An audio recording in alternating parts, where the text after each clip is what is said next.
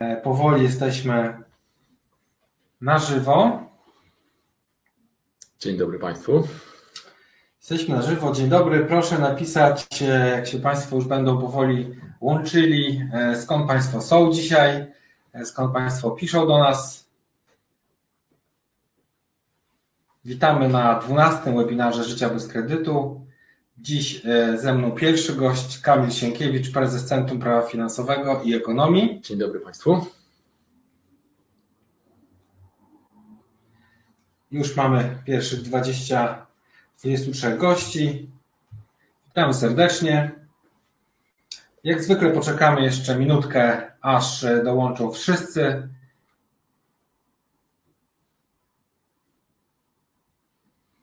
Proszę napisać w E, na czacie, skąd Państwo piszą dzisiaj do nas. Jest Pan Mariusz z Białegostoku. Witamy Białystok.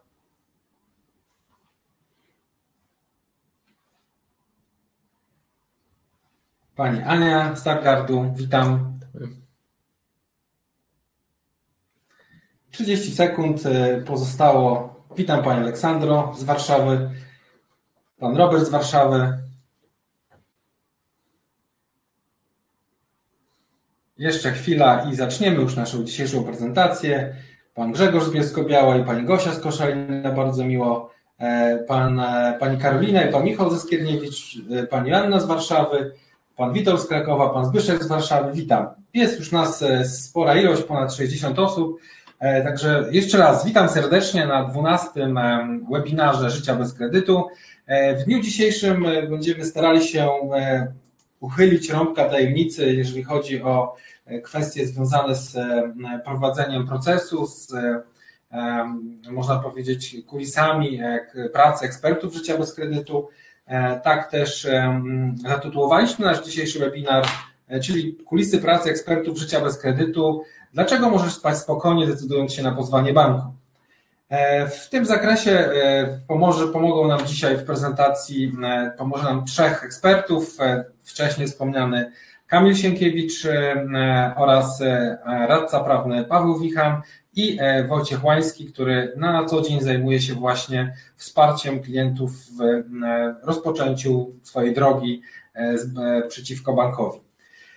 W, w, planie webinaru, tak jak widać, przedstawimy sporo wiedzy na temat tego, jak, zaczyna, jak wygląda rozpoczęcie współpracy, co trzeba przygotować, aby w ogóle dowiedzieć się w ramach analizy, jak wygląda możliwość dochodzenia roszczeń.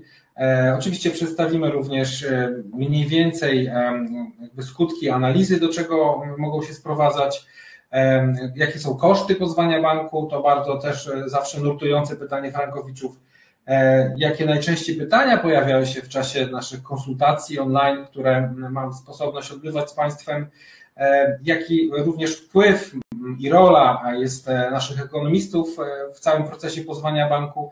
I omówimy oczywiście, jak zwykle, najnowsze wyroki, e, przy czym będą mieli Państwo później możliwość zadawania pytań w sesji QA.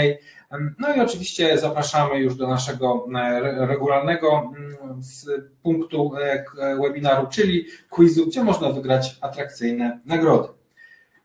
Zaczynamy. Mm, Kamil, proszę powiedz, jak ze strony Twojej, ze strony e, prezesa wygląda rozpoczęcie współpracy z, mm, z całym, powiedzmy, dochodzenia całych e, wszystkich roszczeń i rozpoczęcie współpracy z Centrum Prawa Finansowego i Ekonomii.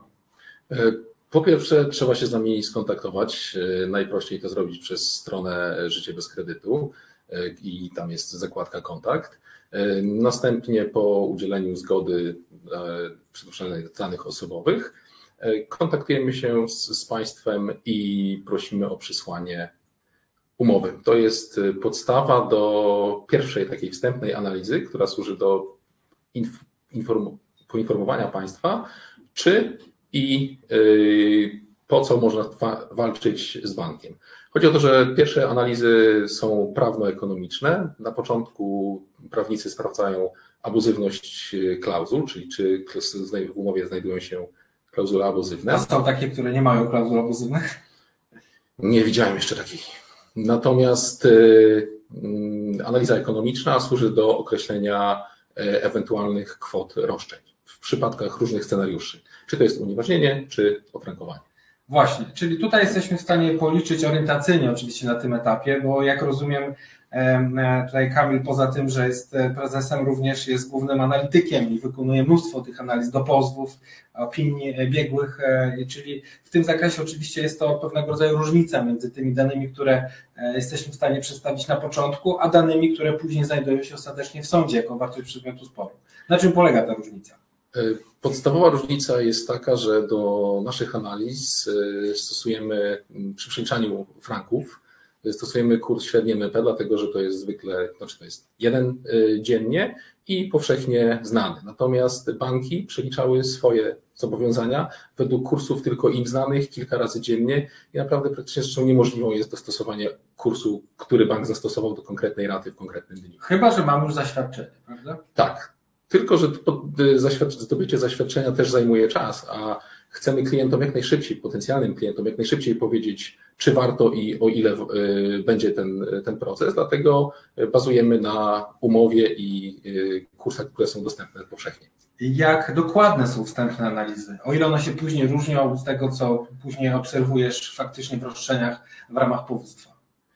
Jeżeli bo tutaj znowu muszę powiedzieć, że czasami e, w umowach są, następują potem aneksy, które naprawdę diametralnie zmieniają e, warunki finansowe. Na przykład Getty najczęściej. Na przykład, tak. Mhm. E, ale jeśli nie ma umów, to różnimy się praktycznie o spread, czyli to jest parę procent. My jesteśmy bardziej konserwatywni, czyli rzeczywiście nasza analiza mówi, że będziemy się domagać mniej niż potem wychodzi, dlatego że jeżeli zastosujemy kursy banków, szczególnie wypłaty transz i przeliczenia rat, no to mamy około 10% różnicy pewnie. Tak, no to czyli to, to ma, można powiedzieć, nawet mimo tego, że to jest e, dosyć, e, można powiedzieć, przybliżona analiza, no to ona mimo wszystko pokazuje w trzech e, scenariuszach potencjalne możliwości każdego z roszczeń, roszczenia głównego czy roszczeń ewentualnych. I co do zasady, wydaje mi się, że też na tej podstawie można już spokojnie podjąć decyzję, czy faktycznie opłacalność, czy relatywizm inwestycji, czasu i pieniędzy będzie później z perspektywy E, przeprowadzenia takiego procesu istotnie, czy, czy, czy faktycznie warto to tym się zajmować. Dokładnie. E, czyli tutaj trzeba pamiętać o tym, że wstępna analiza, czy też e, analiza nie tylko ekonomiczna, jak i analiza E, oczywiście klauzul abuzywnych, e, tu powiedziałem specjalnie o tych klauzulach abuzywnych, bo faktycznie bardzo rzadko, w zasadzie mniej niż 1% umów posiada e, klauzule, które nie są rażąco naruszujące interes konsumentów. Zresztą w tej chwili rzecznik finansowy w zasadzie nie, nie dalej jak tydzień temu wydał bardzo fajną publikację. Jest to publikacja Mapa klauzul abuzywnych. Na 33 stronach przedstawił dosyć kompleksowe jakby ocenę wszystkich umów, wszystkich banków. e, i tutaj faktycznie, co jest bardzo ciekawe, te klauzule w większości przypadków według rzecznika, oczywiście według również nas i sądów, prowadzą do nieważności tej umowy. O tym oczywiście porozmawiamy w dalszej części naszego dzisiejszego webinaru. Natomiast no, generalnie mm, skutek takiej analizy to jest jakby przedstawienie informacji, które są istotne, natomiast oczywiście jest możliwość przeprowadzenia też następnie konsultacji. Tak, to jest y, kolejny etap. Oczywiście można się od razu zdecydować lub, y, lub nie, natomiast y, kolejny etap to jest mniej więcej półtorej godziny spotkanie w celu wyjaśnienia tego, co w takiej analizie jest napisane. Dlatego, że nawet informacja o tym, że klauzule są abuzywne, to warto jest zawsze omówić, co dokładnie jest niezgodne z, z wytycznymi prawa i przedstawić wszystkie scenariusze, co znaczy odfrankowanie, co znaczy unieważnienie, jakie są konsekwencje. Warto wiedzieć przed procesem takie rzeczy.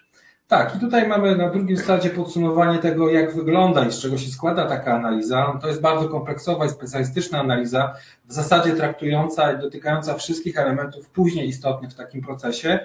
Dodatkowo oczywiście w ramach tego, bo cel bardzo często jest taki, aby również otrzymać informacje, jak wyglądają koszty prowadzenia takiej sprawy. Jest również możliwość skorzystania z konfiguratora ofert, gdzie tak naprawdę Frankowicz może sam dobrać właściwy sposób e, finansowania takiego mm, procesu e, z rozróżnieniem na co? Czym się różnią te oferty w konfiguratorze ofert? W konfiguratorze ofert można sobie po pierwsze wybrać opłatę początkową, a następnie rozłożyć tą opłatę początkową na mm, konkretną liczbę rat. Dzięki temu potencjalny klient może kontrolować koszty przez cały proces, ile zapłaci.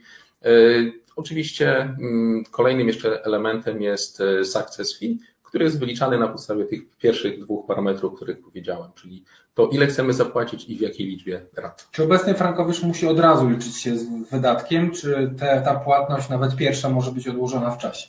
Y, nie, nie trzeba płacić nic od razu. Obecnie też wiem, jak wygląda nasza gospodarka, która albo będzie zamknięta, albo nie. Wszyscy mamy nadzieję, że nie. Dlatego, aby przeczekać ten COVID, też y, jesteśmy w stanie odłożyć pierwsze płatności na przyszły rok. E, dobrze, czyli tutaj generalnie podsumowując informacje, które są zawierane w, w, analizie, tutaj też jest wygląd tej analizy, jak widać e, ma ona e, wiele punktów, jest również potwierdzenie tego, co tutaj mówił Kamil, czyli mamy tę analizę w trzech wariantach, mniej więcej są wyliczone roszczenia i te korzyści, tak, które wynikają z poszczególnych rozstrzygnięć, tutaj mowa jest o roszczeniu ewentualnym, czyli odfrankowaniu, E, roszczeniu głównym, czyli e, o zapłacie z tytułu nieważności umowy. E, no i ewentualnie jeszcze kolejne powiedzmy, rozstrzygnięcia, które mogą zapaść, typu teoria salda, opis tego, jak to wygląda. Oczywiście wszystko poparte dotychczasowym orzecznictwem, przy czym trzeba pamiętać o tym, że absolutnie nie ma prawa prezydensu w Polsce, więc każda sprawa przez sąd, mimo że oparta na tym samym wzorcu, musi być rozpatrzona indywidualnie ponownie. Jeżeli chodzi o pozostałe koszty, na co składają się koszty poza płatą dla kancelarii? To jest e, koszt samego procesu, to jest w tym momencie 1000 e, złotych i mm, często, nawet bardzo często dochodzi do dodatkowego kosztu, to jest koszt powołania biegłego i bo y, to, co mm, my wyliczamy i co jest podstawą pozwu, oczywiście często przez sąd jest weryfikowane, dlatego tutaj przykładamy maksymalną, najwyższą staranność, aby nasze obliczenia były zgodne z prawdą. Natomiast y, koszt takiego y, powołania biegłego i jego obliczeń też jest y, wliczany potem do, do kosztu pozwu. Tak, dlatego tutaj wtrącę się, bo oczywiście ten koszt y, wynosi około 2000 zł i zgadzam się, że on jest e, dosyć często e, kosztem, który trzeba sobie zakalkulować, natomiast z perspektywy kilku lat procesów e, raczej y, dużo rzadziej niż kiedyś są te mimo wszystko E, wyliczenia e, potrzebne e, przez biegłego.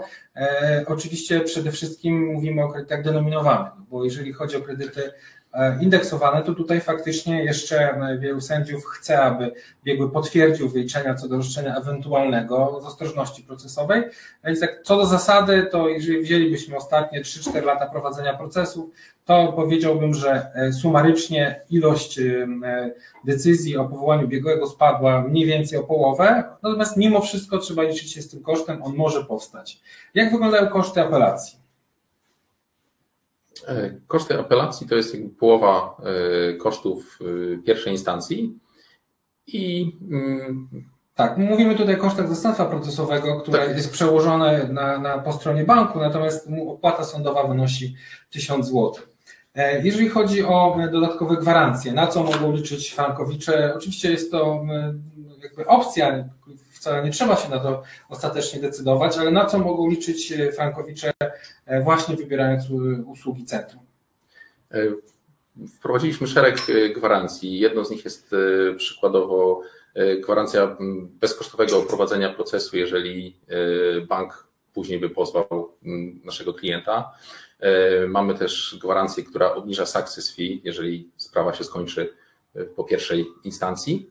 Albo ugodą, tak. Albo ugodą, dokładnie. Mhm.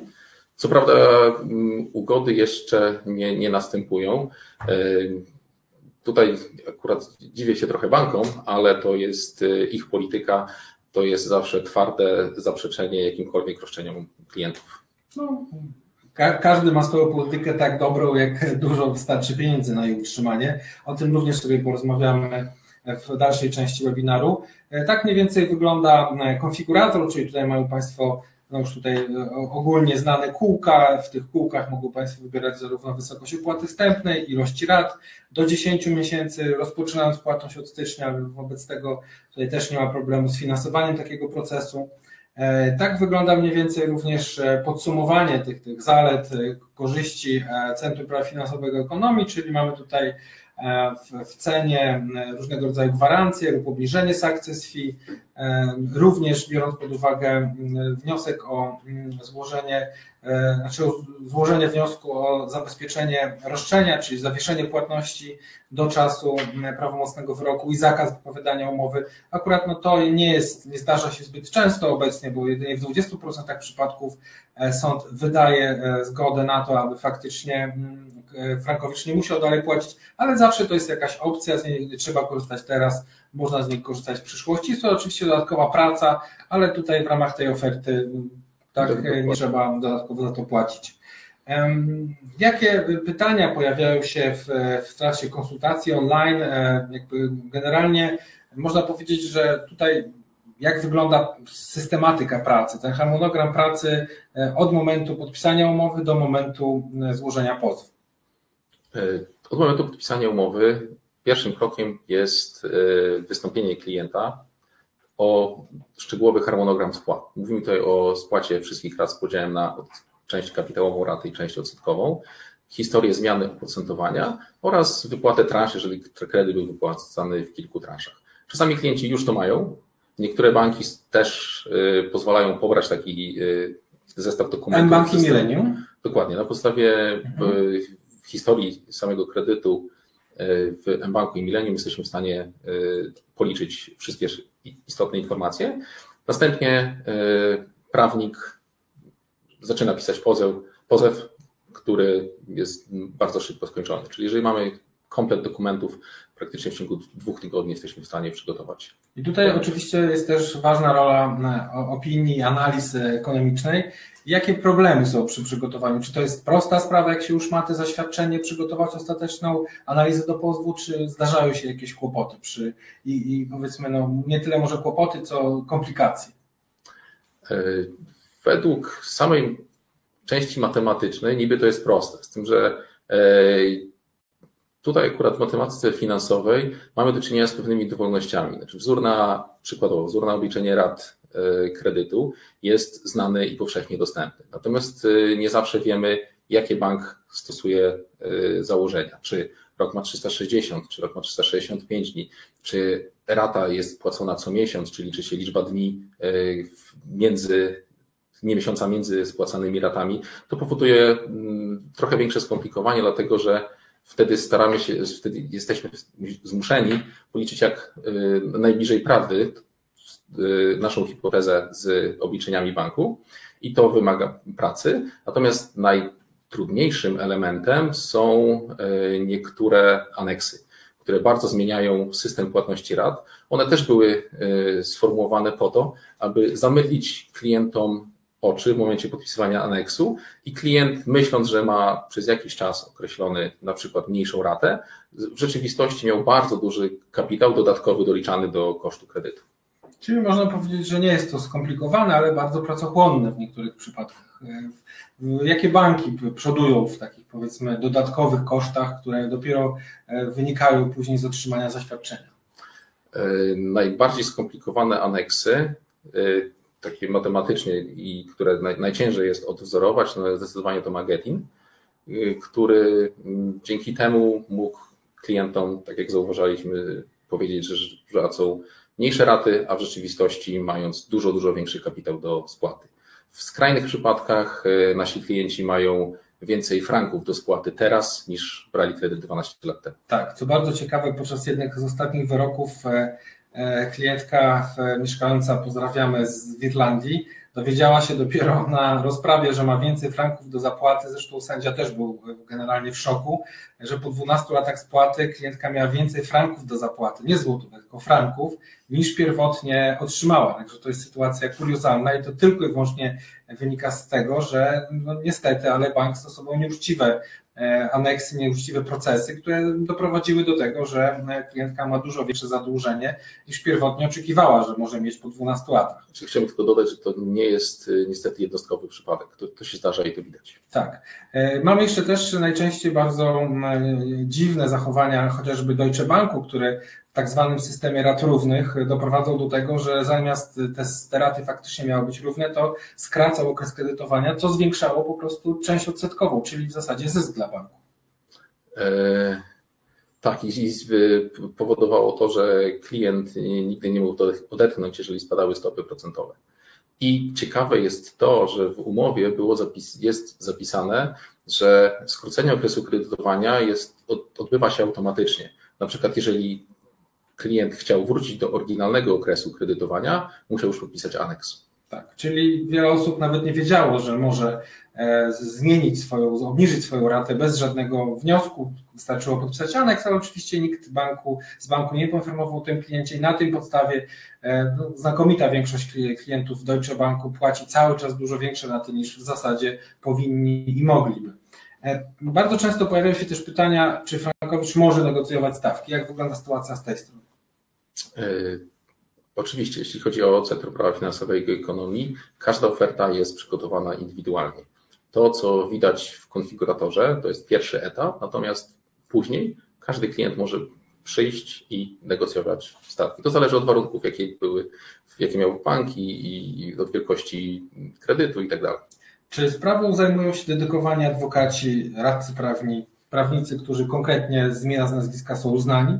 Tak, y, klient zawsze przy podpisywaniu umowy y, podpisuje pełnomocnictwo konkretnemu prawnikowi. Tak, czyli nie jest to rodzaj pewnego rodzaju później wypadkowej, powiedzmy, nie wiem, być może kosztów czy oszczędności, tylko są to konkretne osoby zatrudnione w centrum, które się konkretnie tym specjalizują. Tak, to są eksperci, jeśli chodzi o e, zagadnienia kredytów walutowych. E, no i pytanie ostatnie z tych takich najczęściej spotykanych, ile trwa cała sprawa sądowa, no i ile razy na rozprawie będzie musiał stawić się Frankowicz? Ile trwa rozprawa to jest bardzo ciężkie pytanie, dlatego że mieliśmy przypadki nawet poniżej roku, zakończyła się cały proces w pierwszej instancji, natomiast y, mm, mamy też sprawy, które potrafią trwać około trzech lat w pierwszej instancji. Tak. Na to akurat wpływu mm, ani my, pozywając bank, ani bank się broniąc nie mamy. To już jest y, niezależne od, od stron, to, to zależy od sądu. Dokładnie. I ile razy na rozprawie będzie musiał się stawić e, Frankowicz? Powód? Mm, to też zależy, bo na pewno jeżeli sąd powoła na świadka mm, e, powoda, to wtedy Frankowicz będzie musiał się stawić. Natomiast jeżeli takiej opcji nie będzie w czasie procesu, to wystarczy adwokat. Jasne. E, generalnie pytania również dotyczą między innymi tym, tego, co składa się na cenę usługi i czy zapisy można w ogóle dostosowywać indywidualnie. Czy to jest wzorzec, czy jest to raczej propozycja, zaproszenie do e, przedstawienia warunków i rozmowa na ten temat? E, punktem wyjścia jest e, oferta, którą przygotowujemy, natomiast potem w ramach negocjacji każdy jest w stanie wynegocjować korzystne dla siebie zapisy, więc nie, nie stosujemy żadnego wzorca umowy. Czy one dotyczą tylko parametrów cenowych, czy również innych okoliczności, e, które występują w relacjach Kancelaria Frankowicz? Mm, dotyczą e, wielu, wielu aspektów, e, między innymi zestaw gwarancji, on się może różnić w zależności od tego, co klient wybrał lub, lub czego nie chciał. Mhm. Dziękuję i myślę, że ostatnie pytanie odnośnie tych właśnie najczęściej spotykanych.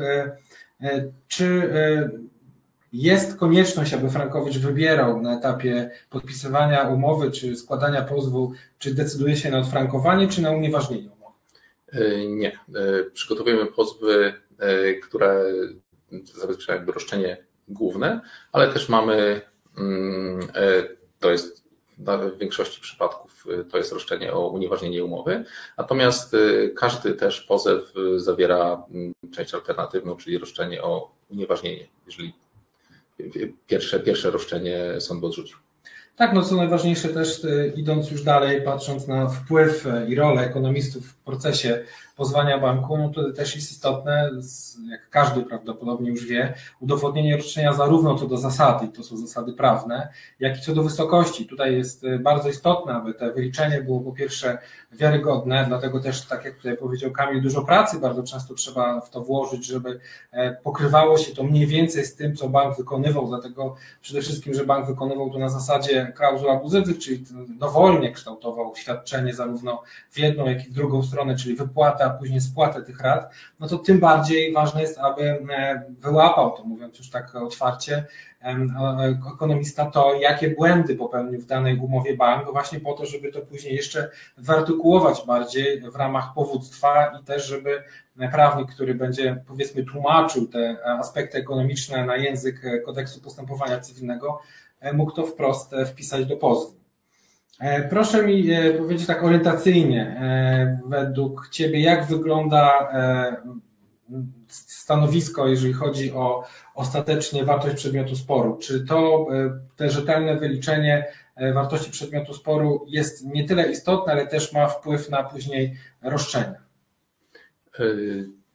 Po pierwsze, to pozwala nam wyliczyć roszczenia w przypadku różnych scenariuszy, czyli tu mówimy o usunięciu pierwsze odfrankowanie, czyli usunięciu w ogóle waluty franka z, z umowy i mm, inny scenariusz to unieważnienie. E, Czy w tym zakresie rozumiem, że chodzi o to, że każdy z roszczeń musi być oddzielnie udowodniony, tak? Co do wysokości, tak, musi oddzielnie być policzone.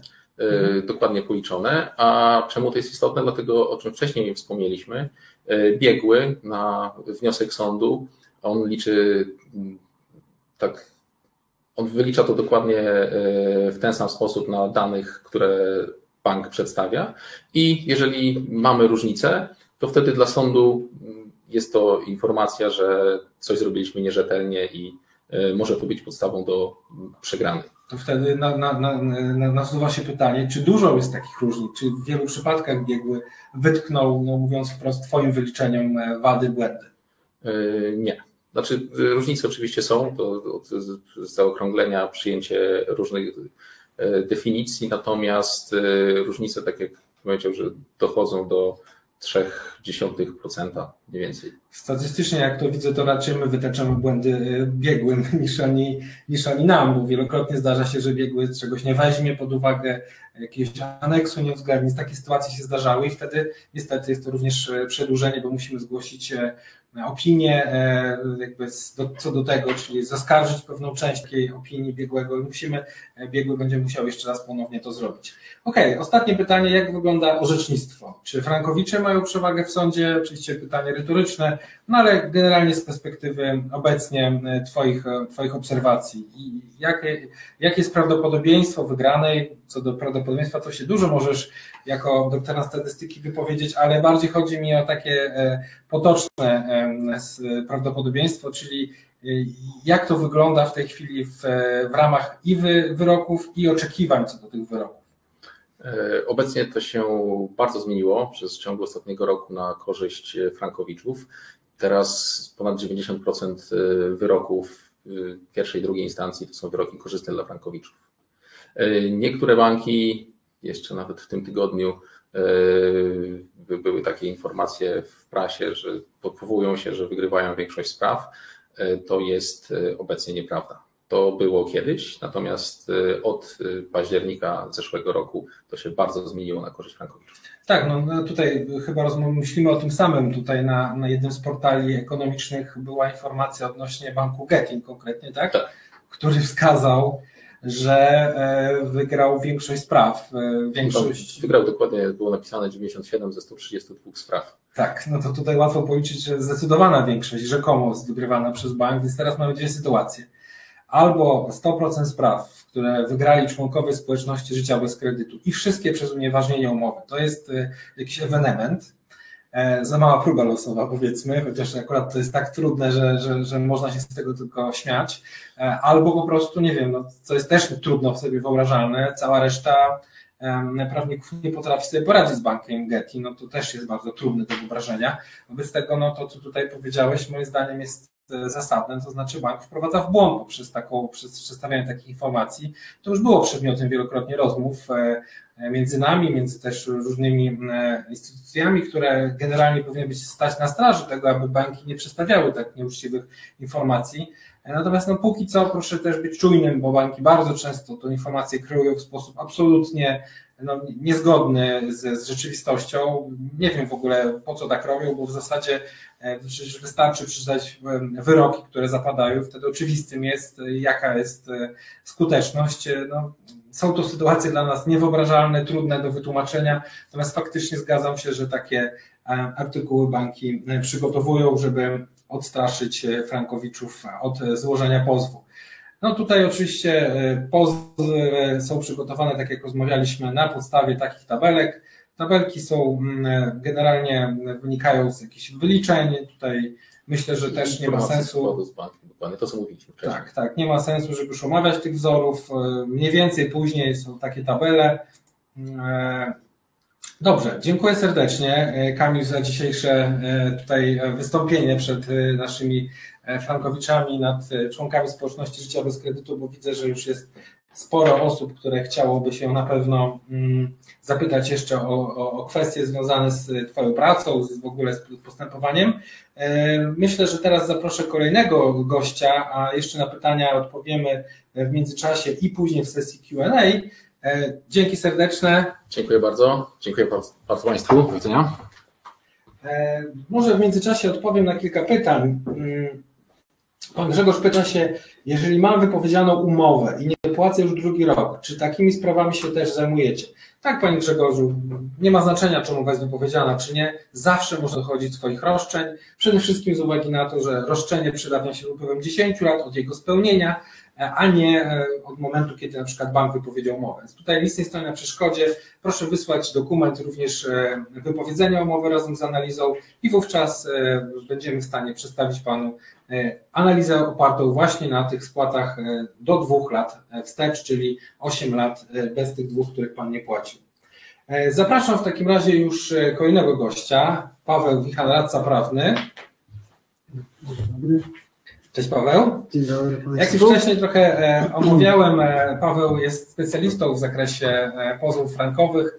Stanowi tutaj bardzo mocny, mm, jakby mocne wsparcie całego naszego zespołu prawa finansowego i ekonomii. Dzisiaj z Pawłem porozmawiamy trochę na temat wyroków, trochę na temat tego, co się dzieje generalnie w sprawach frankowiczów od strony właśnie prawniczej.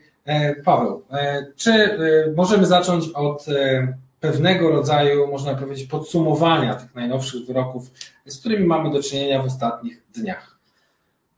No tak, tak jak już tutaj mm, wspomnieliście w trakcie tego webinaru, y, to orzecznictwo w dalszym ciągu tak naprawdę jest stały progres y, w stronę y, wygranych właśnie Frankowiczów i tak naprawdę też w stronę unieważniania. Coraz, coraz więcej umów jest unieważnianych, a nie tylko odfrankowywanych i, i tak naprawdę to orzecznictwo e, kreuje się bardzo pozytywnie i optymistycznie na, na przyszłość też, dlatego też myślę, że e, powinno to dawać taki, taki dodatkowy impuls w tym, żeby jednak właśnie e, zawalczyć o, o swoje prawa, słuszne prawa, co pokazują wyroki sądu. Właśnie, przechodzimy do omawiania wyroków. Na samym starcie chciałbym omówić jeden z ostatnich wyroków członka społeczności życia bez kredytu. E, bardzo trudnego e, wyroku, e, w zasadzie postępowania całego skutkującego wyrokiem, który mimo wszystko doprowadził do unieważnienia tej umowy. Tutaj e, miesiąc temu, zanim jeszcze nie pojawiło się uzasadnienie wyroku, niektórzy, e, powiedziałbym, pseudoznawcy kredytów, e, pseudoznawcy, że tak powiem, w ogóle merytoryki, jeżeli chodzi o postępowanie sądowe i sposób wyroków, zrzucały członkom społeczności życia bez kredytu, że powołują się na wyrok, który faktycznie dotyczył oddalenia powództwa, przy czym myśmy twierdzili, że sprawa jest wygrana, że, że faktycznie Frankowicz ma unieważnioną tę umowę. No i tutaj czytając sam wyrok, y, co z tego wynika? No, wynika z tego, że sąd oddalił powództwo główne, oddalił powództwo ewentualne, no i nie obciążył y, powada kosztami postępowania poniesionymi w ramach, y, w ramach tego postępowania. Dlaczego wobec tego twierdzimy słusznie, że ta umowa jest nieważna? No tak, bo oczywiście fasadowo, tak jak widzimy tylko sentencję wyroku, on rzeczywiście wygląda na to, że, że jest to sprawa przegrana przez Frankowicza. E, Może dlatego też Getin Bank e, tutaj chwali się e, wygraną. Jednak e, jeśli zagłębimy się w uzasadnienie tego wyroku, Mhm. ono już nie pozostawia żadnych złudzeń, że umowa e, ta akurat e, była e, nieważna od samego początku i tak naprawdę sąd tutaj nie miał żadnych wątpliwości, ponieważ na bardzo wielu płaszczyznach wykazał, że ona jest sprzeczna z e, e, zasadami spożycia społecznego, że narusza rażąco interes konsumenta i, jego prawa i że równowaga stron była też naruszona w sposób e, rażący, dlatego też tutaj została Tutaj doszło też do e, właśnie do przes- przesąkowego ustalenia nieważności umowy i, i jest ona nieważna w całości. E, Żeby jakby już Państwu e, skrócić trochę to, ten cały wy- wywód prawny, bo oczywiście on jest opisany i można go na naszym Facebooku obejrzeć w większej części. Tam jest wczoraj e, cały zamieszczony post na ten temat, łącznie z, e, łącznie z całym, można powiedzieć, e, e, a może inaczej, może z większością e, tez, które stawił sąd dotyczących nieważności. W całym uzasadnieniu 58 razy, o ile policzyłem dobrze, sąd napisał, że umowa jest nieważna. Natomiast w tym konkretnym przypadku, z uwagi na to, że był to przypadek bardzo skomplikowany, gdzie nie mogliśmy użyć wszystkich roszczeń, które zazwyczaj w takich sprawach używamy, chociażby z uwagi na to, że jeden z kredytobiorców e, nie mieszkał już w Polsce i nie było z nim żadne- żadnego kontaktu, to te unieważnienie musiało być również właśnie dlatego przesłankowe, tak? Czyli nie można było w sentencji ustalić nieważności umowy. Oczywiście moglibyśmy takie wykreować roszczenia, ale powodowałoby to prawdopodobnie, że trzeba by było na kilka kolejnych lat zawiesić to postępowanie, żeby chociażby przez kuratora znaleźć tę osobę, czy ona zgadza się na tego rodzaju roszczenie. E, Czyli tutaj można powiedzieć tak, że to jest typowa teoria Salda, która przejawia się tym, że umowa jest nieważna, przy czym nie ma tego, e, tej nieważności już w sentencji, a jest to przesłankowa nieważność. Jeszcze raz chcę powiedzieć, że e, tego rodzaju wyroków jest coraz mniej, to znaczy teoria Salda występuje w zdecydowanej mniejszości. Tu i tak, i tak jesteśmy zadowoleni z tego wyroku w pierwszej instancji. Tutaj oczywiście apelacja była, czy już czy jeszcze nie, dopiero co co dostaliśmy to Tak, uzasadnienie, więc nie było. nic nie było, ale będzie złożone i będziemy dochodzili również o zmianę tego wyroku na teorię dwóch kondycji, czyli zasądzenie kwot wpłacanych 10 lat wstecz. Tu już e, przez chwilę pokazałem kolejny wyrok Getinu, ten bardzo świeży wyrok e, dla powiedzmy pewnego rodzaju wskazania różnicy. Tutaj mamy już ustalenie w sentencji. Jest to wyrok e, również wydany przeciwko kredytowi Getin Bank. No i tutaj jak wygląda sentencja i jak e, mógłby się ją e, e, podsumować. Tak, tutaj właśnie wyrok określa wprost w sentencji po pierwsze ustalenie nieważności umowy. To Punkt jest, pierwszy. To jest punkt pierwszy. W punkcie drugim nastąpiło zasądzenie de facto wszystkich dochodzonych kwot, czyli wpłat przez e, 10 lat od, od momentu wniesienia pozwu. Tak, tu poprzedzających oczywiście wniesienie pozwu. Tak, Tu zdążyliśmy złożyć pozew, zanim jakakolwiek rata się przedawniła. Tak, zatem, zatem tutaj tak naprawdę e, roszczenie jest, zostało e, w całości uwzględnione. E, Tutaj oczywiście też jest kwestia oddalenia powództwa. Odsetki. e, Tak, ale to jest kwestia tylko mm, i to bardzo małej części odsetek, a, a jak chodzi o, o, o roszczenie, to, to roszczenie Frankowicza zostało uznane w całości. I zwrot kosztów postępowania. Tak, i zwrot kosztów. To, także, czyli to jest dokładnie e, taki wyrok, jaki jest najbardziej pożądany i do których my dążymy. I Tak tak, i tak naprawdę coraz częściej tego typu wyroki uzyskujemy i, i myślę, bo nie tylko mam nadzieję, ale myślę, że będziemy uzyskiwać. Jestem przekonany, póki co wszystkie nasze roszczenia właśnie w taki sposób były wykreowane.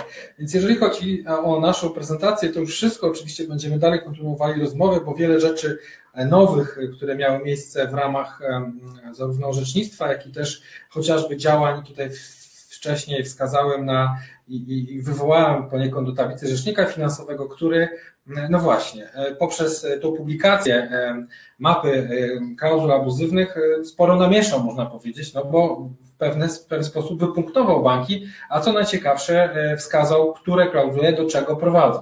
Jak byś skomentował ten, ten cały raport? Tak, no myślę, że tutaj trzeba się jak najbardziej cieszyć z, z, tego, że Rzecznik Finansowy tutaj tak ogromną pracę wykonał i mam nadzieję, że będzie tutaj to, to właśnie taką mapą bądź też drogowskazem, mam nadzieję, że też dla, dla sądów, ale też dla klientów, ponieważ to ułatwia właśnie tym osobom, które są jeszcze niezdecydowane, ponieważ już czarno na białym mam wykazane, E, stanowisko rzecznika finansowego w stosunku do, do klauzul, które są abuzywne.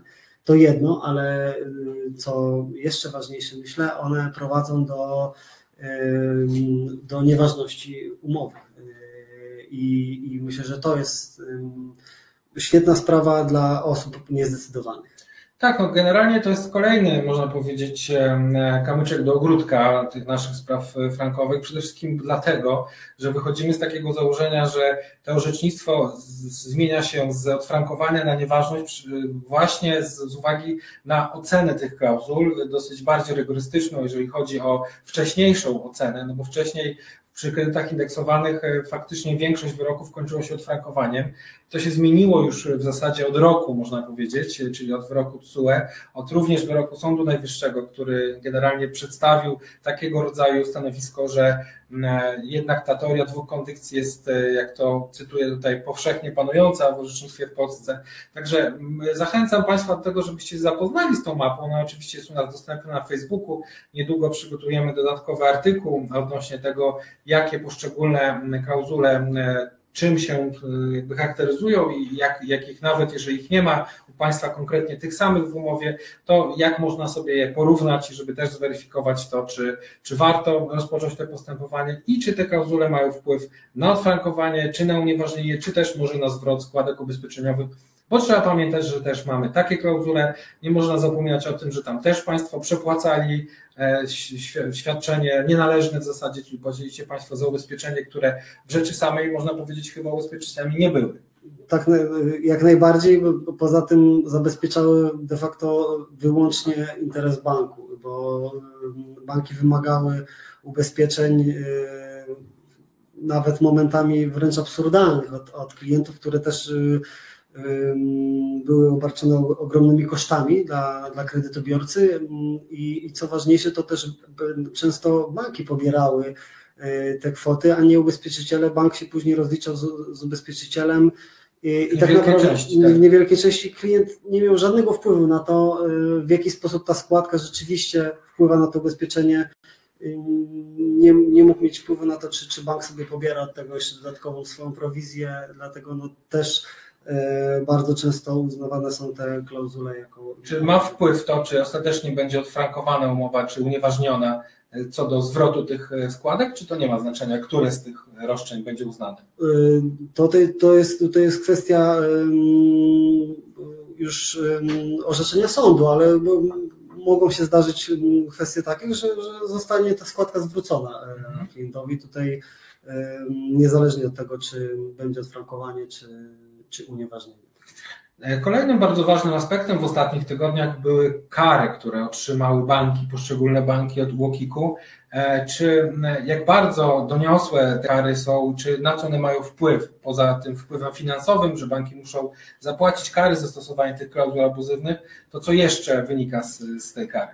No właśnie zastosowanie e, tych kar pokazuje też po prostu nieuczciwość banków i, i działanie w sprzeczności z zasadami e, prawa, co też myślę, że powinno mieć bezpośrednie przełożenie właśnie na, na orzecznictwo, tak? ponieważ e, no to jest już kolejne instytucje, które mają na, na celu właśnie ochronę e, praw konsumenta takie jak właśnie Urząd Ochrony Konkurencji Konsumenta czy Rzecznik Finansowy, no właśnie wskazują po raz kolejny, że, no, że dochodziło do bardzo e, znaczących e, tutaj naruszeń, naruszeń interesów i, i praw kredytobiorców. No właśnie, teraz kontynuując ten temat, y, przechodzimy płynnie do tych okoliczności, które wiążą się z orzecznictwem. Powiedzieliśmy trochę na temat orzecznictwa, natomiast orzecznictwo w czasie pandemii. To jest taki, takie pytanie, które często zadają e, frankowicze, czy teraz e,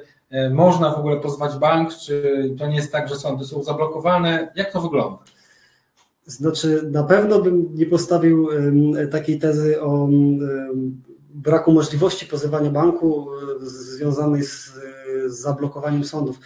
E, Paradoksalnie nawet od, e, odwróciłbym tę sytuację. Jeśli wiemy, że jest natłok tych spraw, to, to wskazane by było właśnie działanie szybsze, po to, żeby gdzieś jakby do tej kolejki e, się tutaj zapisać, tak?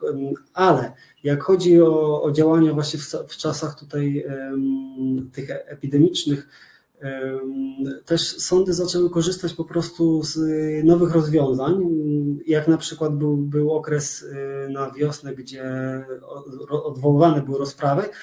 Y, Sądy wtedy wykonywały wiele czynności y, takich technicznych, y, nie na, nie, nie, nie na rozprawach, ale też y, y, Na posiedzeniach tak, na niejawnych. posiedzeniach niejawnych. y, Wykorzystywane też są, y, zaczęły być też możliwość y, wydawania wyroków na, na posiedzeniu niejawnym. W ramach e, nowelizacji kodeksu postępowania cywilnego z maja tego roku. Yy, I dodatkowo też na coraz szerszą skalę mamy wykorzystywane przesłuchiwanie świadków w trybie pisemnym, co zdecydowanie przyspiesza nam, ponieważ nie, nie, nie, nie, nie, musimy na jeden dzień zwoływać tych świadków, gdzie, którzy potrafią mieszkać w różnych częściach yy, Polski, często też yy, utrudniony jest z nimi kontakt. tylko Sąd wzywa ym, na formie pisemnej, wysyła, wysyła list, świadek spisuje de facto te, te zeznania i wysyła do sądu i wtedy możemy procedować dalej, co nam już zdecydowanie skraca, bo wiem, że no, ter, terminy y, rozpraw y, są dość odległe, a to no, po prostu y, skraca ten czas i mamy szansę na tym, żeby już na rozprawa tyczyła się już de facto rozstrzygnięcia. Tak. Czyli tutaj dochodzi do tego, że w zasadzie można trochę powiedzieć, że ten proces jest odmiejscowiony, to znaczy jego e, miejsce oczywiście jest cały czas w tym sądzie właściwym, ale w zasadzie wiele czynności, takie jak na przykład przesłuchanie świadka na odległość, które jest po pierwsze dużo krótsze, no bo świadek ma najczęściej około miesiąc na, na odpowiedzenie na te pytania, które są zadane wcześniej przez obie strony i przez sąd, oraz co bardzo też istotne, nie musząc przyjeżdżać do sądu, też nie ryzykujemy tym, że on po prostu z jakichś przyczyn, a teraz na przykład z przyczyny jakby przebywania na kwarantannie, będzie e, na przykład w stanie wylegitymować się jakimś tam, można powiedzieć, zwolnieniem, tak? co powoduje, że po prostu temat spadnie, to znaczy trzeba będzie ponownie wyznaczyć kolejny termin, a jak wiadomo terminy są co kilka miesięcy przynajmniej, więc jakby to bardzo e, szybko i sprawnie e, wówczas funkcjonuje. Trochę powiedzmy o kulisach. Jak długo przygotowuje się pozew w znaczeniu takim, czy te pozwy są, można powiedzieć, identyczne, czy jednak trzeba specyficznie podejść do każdego z tych pozwów? Oczywiście to nie, nie, są, nie są te pozwy identyczne. Tak naprawdę e, w sprawach frankowych bardzo e, ważna jest e, tak naprawdę specjalizacja i, i, i to, że zajmujemy się de facto tylko tymi sprawami, ponieważ e, one są skomplikowane. E, Też analiza, em, zawieranie w, pozwach też tych, tych analiz ekonomicznych, też to y, trzeba zrobić sprawnie, y, opisywanie klauzul abuzywności, y, stanu faktycznego. Jest to, jest to sprawa, która, która nie jest łatwa, wymaga, y, wymaga na pewno y, staranności, wiedzy y, i, i dużego zaangażowania, y, aczkolwiek y, z drugiej strony y, my już będąc w tym Zaprawieni w boju. zaprawieni Tak, w bojach, tak, potrafimy, potrafimy to robić na pewno sprawniej. Jest też zespół specjalistów, którzy, który, którzy właśnie przygotowują te pozwy i, i tak jak tutaj wcześniej mówił pan Kamil, od, od momentu dostarczenia wszystkich e, dokumentów, które są konieczne do złożenia pozwu, to, to są maksymalnie dwa tygodnie tak naprawdę do złożenia, bo też nam zależy na tym, po pierwsze, żeby nie przedawniła się kolejna rata, a po drugie właśnie, żeby ten pozew był złożony sprawnie, żebyśmy jak najszybciej uzyskali termin. rozprawy, a finalnie wyrok.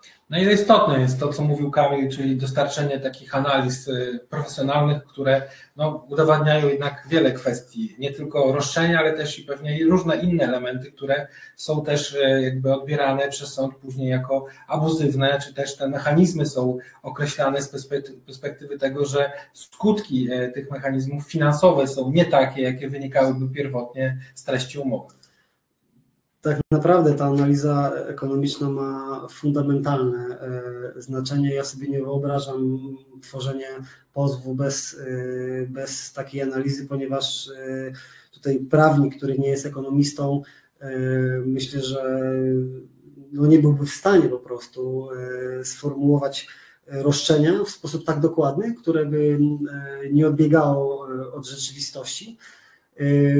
A poza tym, tak jak już wspomniałeś, też wykazać sądowi, jak po kolei przebiegały, jak te, te raty, które były pobierane, ponieważ no, zaświadczenie banku pokazuje nam tylko, jakie, jaka rata, jaka wysokość raty została pobrana i jaka to jest część kapitałowa, część odsetkowa, ale my tutaj wykazujemy właśnie po kolei w każdym miesiącu, jaka jest strata też y, klienta i jak, jak bardzo bank y, naruszał właśnie mm, prawo e, i e, Rażąco naruszał zasady współczucia społecznego, to, to na pewno. To są zresztą same klauzule w, w nazwie, to są właśnie rażąco naruszające interes e, konsumentów. Przejdźmy już do tych jeszcze powiedzmy takich kulis odnośnie tego, jak ta sprawa długo trwa, jak dużo trzeba przygotować różnych pism procesowych, to znaczy czy wystarczy złożyć pozew e, i otrzymać odpowiedź na pozew, jest wyrok, czy jeszcze są inne czynności, które również e, są, no, nazwijmy to, zabierające e, czas i, i trzeba się do nich przygotować? No oczywiście tutaj w trakcie procesu, dlatego nawet jeśli my mamy coraz lepsze orzecznictwo, to jednak każdy proces jest indywidualny. Tak?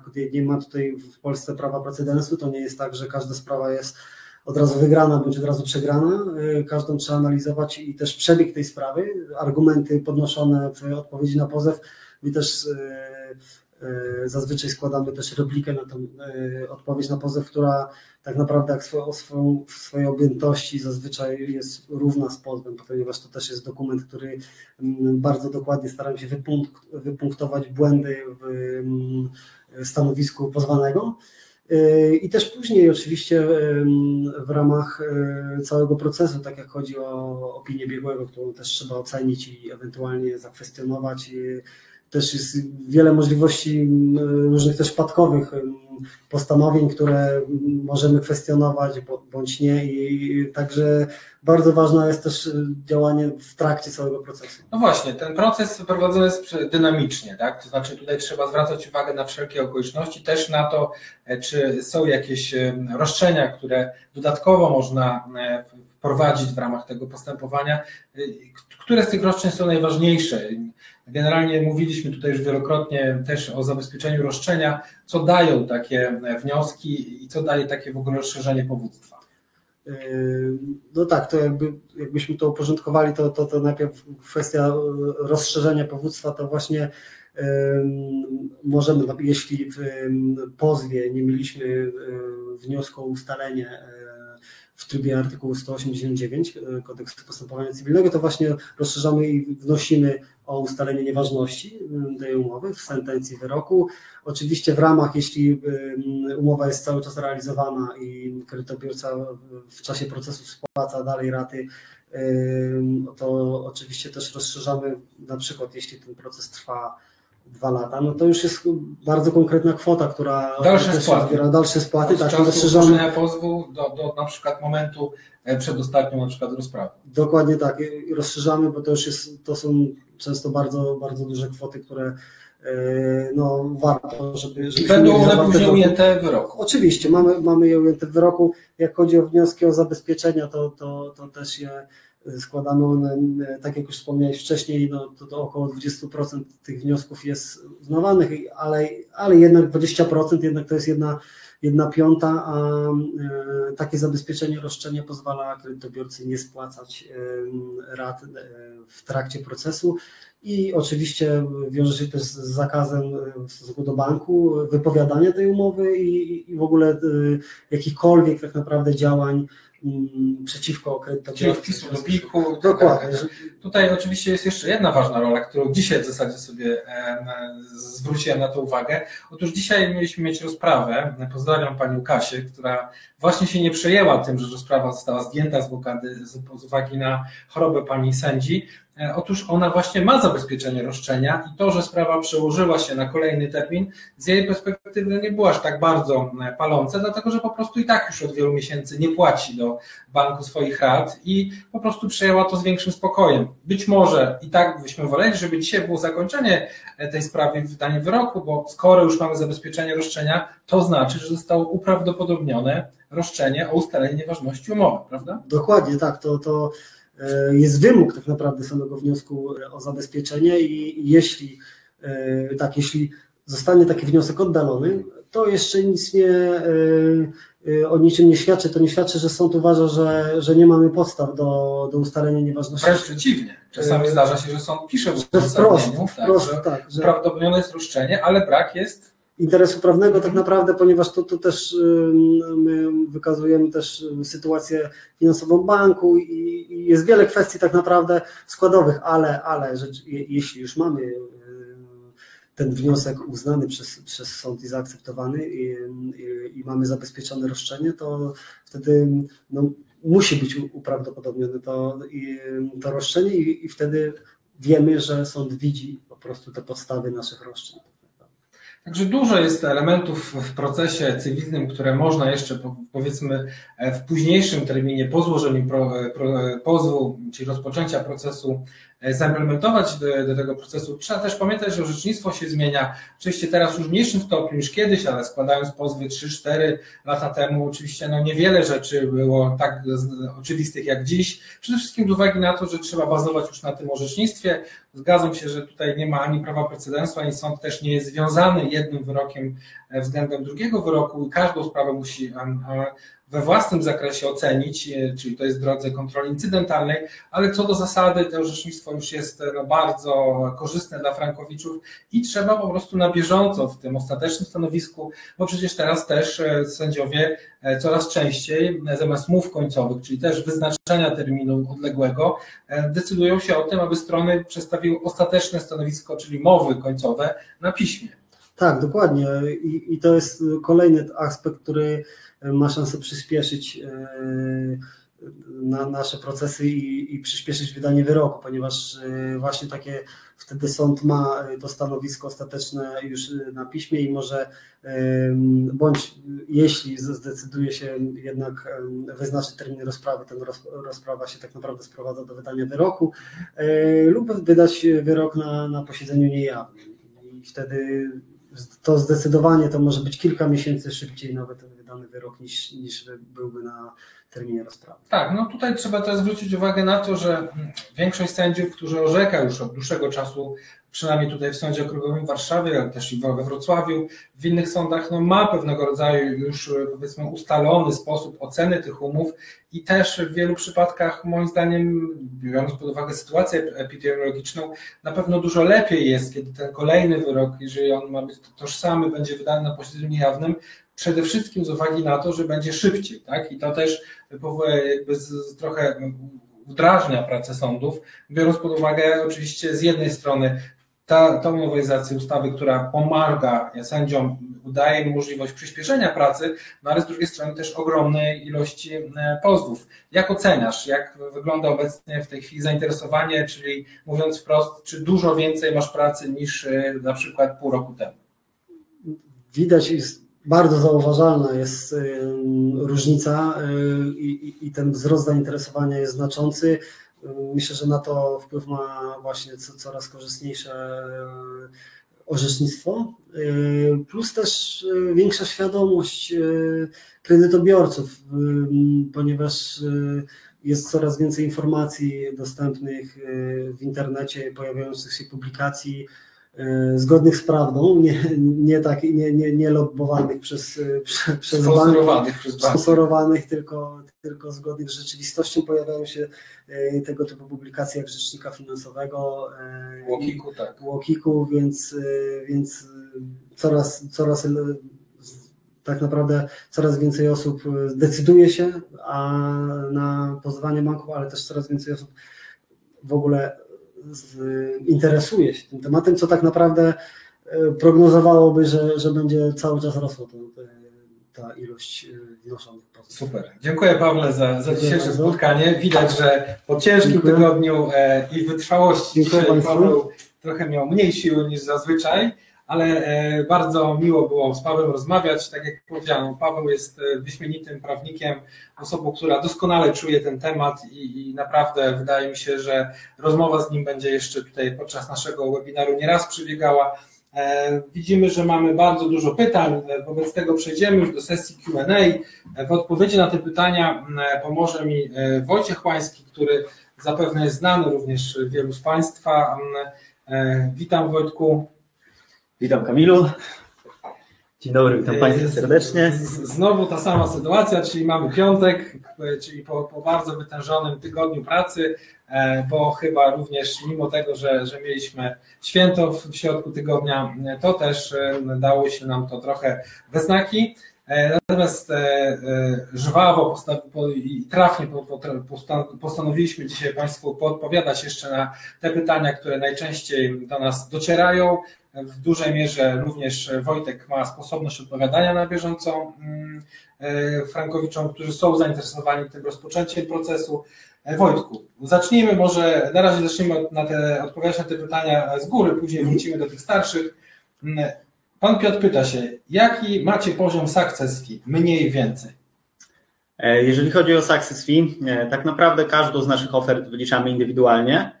E, No i tutaj, jeżeli mówimy już o konkretnych wartościach tego success fee, e, no musielibyśmy wykonać dokładną analizę wszystkich kosztów i wtedy możemy powiedzieć coś więcej. Jakie są to procenty oraz jakie są to kwoty, ponieważ wykonujemy symulację e, tego kredytu. No natomiast to success fee zazwyczaj mieści się w tej granicy od kilku do kilkunastu procent. No to generalnie, Panie Piotrze, to jest takie pytanie, ile kosztuje samochód. No generalnie kosztuje albo mało, albo dużo, w zależności od tego, jakiego rodzaju to jest samochód, w tym przypadku jakiego rodzaju to jest kredyt. Tak? Oczywiście czym większy kredyt, tym fee jest mniejsze i na odwrót. Także poza tym jest też wiele możliwości, wiele aspektów, które klient może sam wybrać, czy te gwarancje, które wcześniej mówił Kamil, czy też inne okoliczności, takie jak chociażby rozłożenie płatności na wiele lat, no może to są wszystko czynniki, które mają wpływ na success fee. Także success fee na pewno jest, e, można dopracować i dostosować do swoich potrzeb. E, Nie sądzę, że ono jest jakoś szczególnie wysokie, biorąc pod uwagę ilość e, członków społeczności życia bez kredytu, które się zdecydowali w ostatnich miesiącach na pozwanie banku. Także Panie Piotrze, no na pewno najważniejsze jest to, żeby wysłać umowę do analizy i wówczas e, Wojtek e, i, e, Barbara Wysocka również będą starali się Państwo odpowiedzieć na wszystkie pytania dotyczące zarówno samej analizy, jak i tych powiedzmy pierwszych elementów. Pani Patrycja pyta się, czy mamy doświadczenie z umowami Nordea, obecnie PKO, czy są one, no powiedzmy, aha, one są wygrane, tak? Odnotowane wygrane, przepraszam, bo tutaj połączyło się, połączyły się słowa. No właśnie, czy Nordea Habitat jest kredytem, który posiada klauzule abuzywne i można e, poradzić sobie w sądzie z tą umową? Jasne, jak najbardziej. No tutaj kredyty Nordea, Nordea Bank dość dużo tych kredytów udzielał. Em, I tutaj faktycznie te, to są klasyczny kredyt denominowany. Zawiera on klauzule abuzywne. E, Są one, znajdują się mniej więcej tam, gdzie jest w umowie treść e, dotycząca sposobu spłaty kredytu, sposobu wypłaty kredytu. E, Tam znajdują się te klauzule abuzywne. Zazwyczaj jest to standardowy wzorzec umowny banku. W 99% te klauzule są takie same. No i faktycznie w Państwa umowach E, jeżeli są z Nordeą, to faktycznie te klauzule abuzywne się znajdują.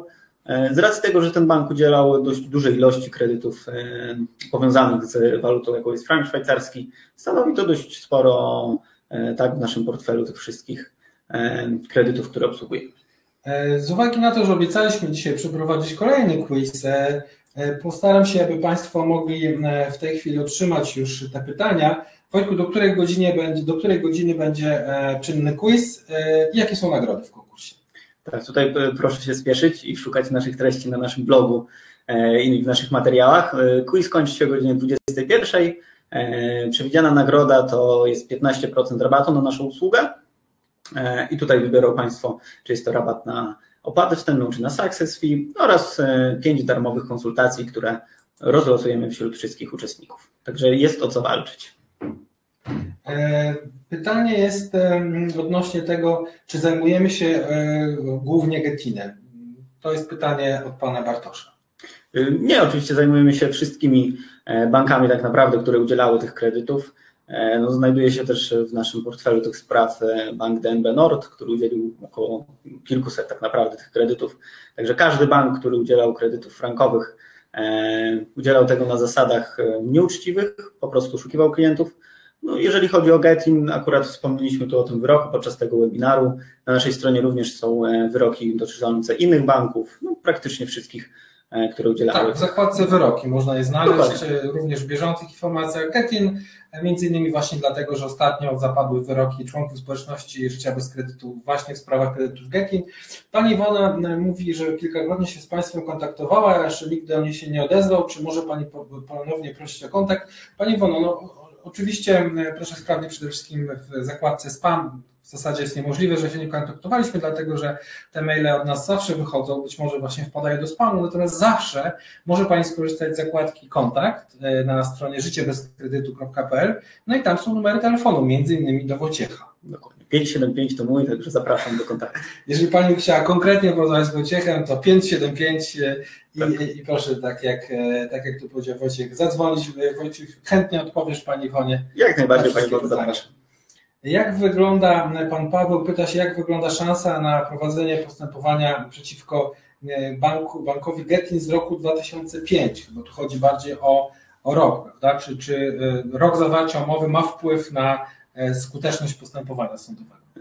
Co do zasady, na skuteczność postępowania sądowego nie, natomiast ma tutaj skuteczność na wielkość roszczeń. Tutaj proszę pamiętać, że e, te roszczenia przedawiają się w okresie 10 lat od momentu płatności ostatniej raty i faktycznie ten kredyt był wcześniej udzielany, tym więcej tych roszczeń e, zostało po prostu przedawnionych. No natomiast mm, wynika z tego, z tych wszystkich analiz, których wykonaliśmy już kilka tysięcy, wynika, że czy to jest umowa z 2005 roku, 6, 7, zawiera klauzule abuzyjne i jak najbardziej możemy tutaj e, ubiegać się o te zwroty, tak? E, Pani Magda słusznie nam zarzuciła, że nie odpowiadamy na, pyta, na pytania na dole, więc już wyskrolowałem to i rozmawiamy dalej. Em, e, Pani, e, pan Piotr pyta się, jaki jest koszt biegłego, bo nie usłyszał Pan. E, dw- Dwa czy cztery tysiące? 2000 zł. Tak, to jest około 2000 zł, nawet ostatnio, jeżeli zapadają takie decyzje w, przedmiocie powołania biegłego, to widziałem, że nawet sąd robił pewnego rodzaju plebiscyt e, w taki sposób, że zapytał się kilku biegłych, e, w jakiej cenie wykona analizę na tą konkretną okoliczność, która jest w tezie dowodowej i w jakim czasie, co ciekawe. No i na rozprawie e, zaproponował stronom e, rozwiązanie, Oczywiście te najbardziej, można powiedzieć, ekonomicznie uzasadnione, czyli najtańsze i te, które było również w najkrótszym terminie zostały wybrane. Także to jest tak, że w zależności od tezy dowodowej, oczywiście może być to więcej, jeżeli tych tez dowodowych jest e, nie tylko jedna. Jeżeli na przykład bank ma swoją tezę, to bank płaci swoją część. Bardzo często jest tak, że po połowie się płaci, więc nawet jeżeli jest 2000 czy 3, to się płaci po połowie. Także to e, zależy od e, okoliczności, natomiast jeszcze raz powtórzę to, co mówiłem na początku. Ja obserwuję około 50% spadek w ogóle takich dowodów z opinii biegłego. Przede wszystkim z uwagi na to, że one są nieprzydatne dla rozstrzygnięcia roszczenia głównego, zapłaty z tytułu nieważności umowy, bo tutaj na pewno każdy sędzia jest w stanie sam zweryfikować nasze wyliczenia co do roszczenia głównego, czy, czyli co do tego, czy dobrze przeliczyliśmy wszystkie wszystkie kwoty, wszystkie raty wpłacane, to co powiedział wcześniej Wojtek, 10 lat wstecz od dnia złożenia pozwu. E, Pan Grzegorz pyta się, przed czym ma być ochrona 3 lata po wyroku, co może zdarzyć się przez te 3 lata złego? No i tutaj, jeżeli chodzi o jakieś mechanizmy prawne, e, no nie może się zdarzyć nic złego. E, My stoimy na, jednak na- tym podejściu, tak, że bank nie ma żadnego prawa ubiegać się o niesłusznie, e, niesłusznie pobrany kapitał od kredytobiorcy w przypadku wygranej. E, No natomiast papier przyjmie wszystko i taki pozew jak najbardziej może zostać e, w stosunku do państwa wystosowany. No i my gwarantujemy, że przez trzy lata, tak od prawomocnego wyroku, taką sprawą zajmiemy się już w obrębie tej naszej działalności opłaty wstępnej. No natomiast jeżeli taka rozprawa będzie, czysto hipotetycznie, e, o jednej z nich słyszałem gdzieś tam w trakcie trwania, no to faktycznie ona potrwała około 30 minut, sąd w całości oddalił takie powództwo. No nie są oparte o żadne przepisy, mm, ale też, żeby Państwo uspokoić, tak żeby ta oferta była e, jeszcze lepsza, no to przygotowaliśmy ten trzyletni okres ochrony. A dlaczego trzy lata? No bo dokładnie tyle ma bank. E, Okresu przedawnienia tak Od czasu prawomocnego wyroku, trzy lata na powiedzmy e, konsekwencje, na skarżenie tych konsekwencji, tylko i wyłącznie oczywiście w zakresie roszczeń zwrotnych.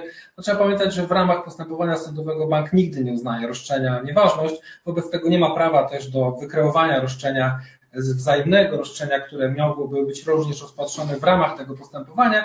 Natomiast oczywiście zdarza się, ostatnio w sądzie apelacyjnym e, Raiffeisen akurat e, zgłosił zarzut zatrzymania, czyli poniekąd również potrącenia roszczenia. No sąd podczas wyroku, e, wydawania wyroku w uzasadnieniu słownym absolutnie podkreślił, że nie można zrobić zatrzymania, przede wszystkim dlatego, że nie jest to umowa wzajemna, a po drugie dlatego, że okres przedawnienia banku e, płynie 3 lata od dnia wypłaty środków i dawno już minął. Wobec tego no, roszczenia jako takie są niezasadne. E, Ponadto zachęcam też do, znaczy, do zapoznania się z artykułem na naszym blogu o tym, że banki w tej chwili błagają wręcz na kolanach o przepraszam, o wsparcie Komitetu Stabilności Finansowej. Właśnie opisujemy też stanowiska zarówno Rzecznika Finansowego, jak i UOKiK co do bezzasadności składania roszczeń o korzystanie z kapitału. Że, panie Grzegorzu, proszę się nie przejmować, jest to bardziej w tym kierunku, abyście Państwo właśnie czuli się bezpiecznie, że my po prawomocnym wyroku nie dość, że będziemy egzekwowali ten wyrok, to jeszcze dodatkowo będziemy oczywiście chronić Państwa przed jakimiś powiedzmy e, dodatkowymi e, czynnościami ze strony banku. E, tak, panie Piotrze, 4000 to są wszystkie orientacyjne koszty opłat sądowych, a nie tylko biegłego. E, Jaki jest koszt analizy? Panie Ado, e, koszt analizy jest bezpłatny. Tu już na temat success fee, mm, e, success fee jest już e, było mówione. Pan Piotr e, tutaj zwrócił uwagę, że pominęliśmy w, w naszej prezentacji trzecie pytanie, różnicę między ZBK od standardowej kancelarii. No to może Wojciechu powiedz, czym życie bez kredytu e, różni się od standardowej kancelarii? Mm, Okej, zaczynając e, tak naprawdę od początku. E, Po pierwsze, nasza opłata, jeżeli mówimy o opłacie wstępnej, jest transparentna. Oznacza to tylko tyle, że jest to jednorazowa płatność. Ona oczywiście może zostać rozłożona na raty, może być odroczona w czasie, jakby to jest już inna kwestia. Natomiast z góry wiedzą Państwo, jaka to będzie kwota.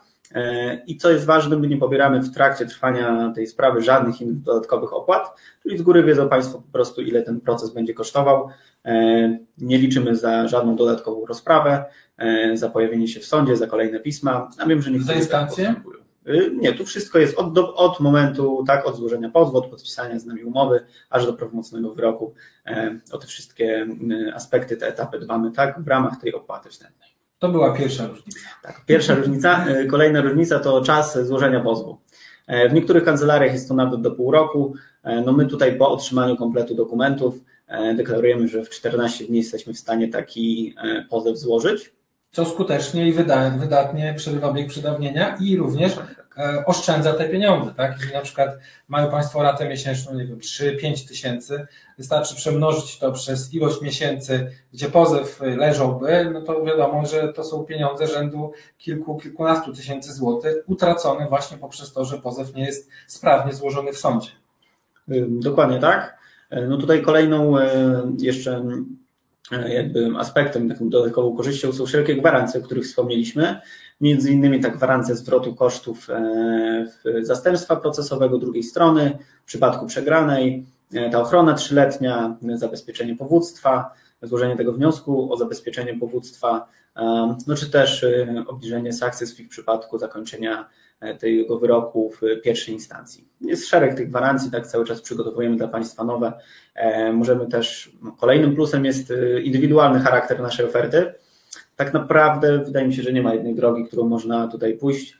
E, Każdą z tych ofert e, pan Kamil omawia z wami, e, z państwem, przepraszam, na spotkaniu i tutaj indywidualnie dostosowujemy te, te warunki, także to indywidualne podejście jest też kluczowe.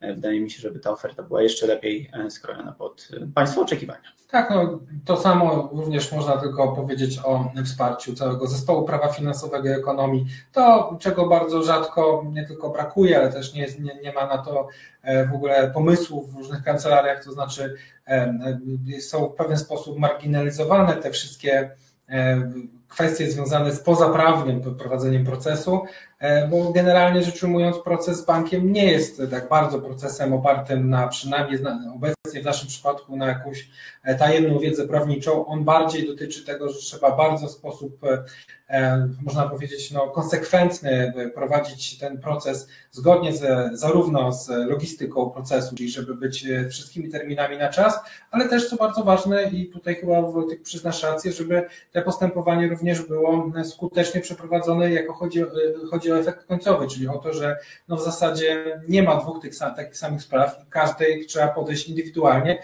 natomiast trzeba korzystać z tego, co już mamy, czyli z tego wsparcia zarówno e, prawa finansowego, jak i też i ekonomistów.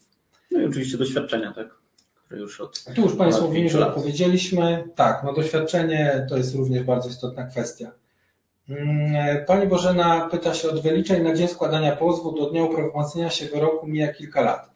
W tym czasie nadal spłacany kredyt. Co z różnicą? Czy te dane aktualizowane są przed wyrokiem? E, Tutaj, jeżeli o to chodzi, oczywiście mając e, sentencję wyroku, tak idziemy po prostu do banku i na podstawie danego wyroku ubiegamy się o te raty, które były wpłacone w trakcie trwania tego postępowania. Tak, czyli jeżeli będzie sytuacja tego typu, że w ramach e, procesu w pierwszej instancji będziemy w stanie rozszerzyć powództwo o kwoty spłacone od dnia złożenia pozwu do dnia chociażby przed ostatnim wyrokiem, przed ostatnią rozprawą, gdzie będzie wydany wyrok, to te kwoty mogą być w wyroku, wpisane jakby, uwzględnione w wyroku.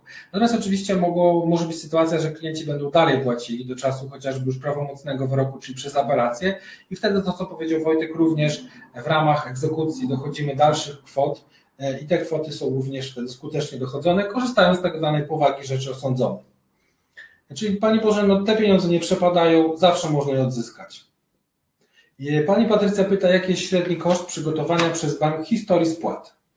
No tutaj zależne jest to od banku, tak jak już zostało wspomniane, jeżeli chodzi o Millennium i mBank, możemy to zrobić skorzystając z ich serwisów internetowych. No, często jest to koszt 150, 100 zł, czasami zdarza się, że jest to koszt 300 zł.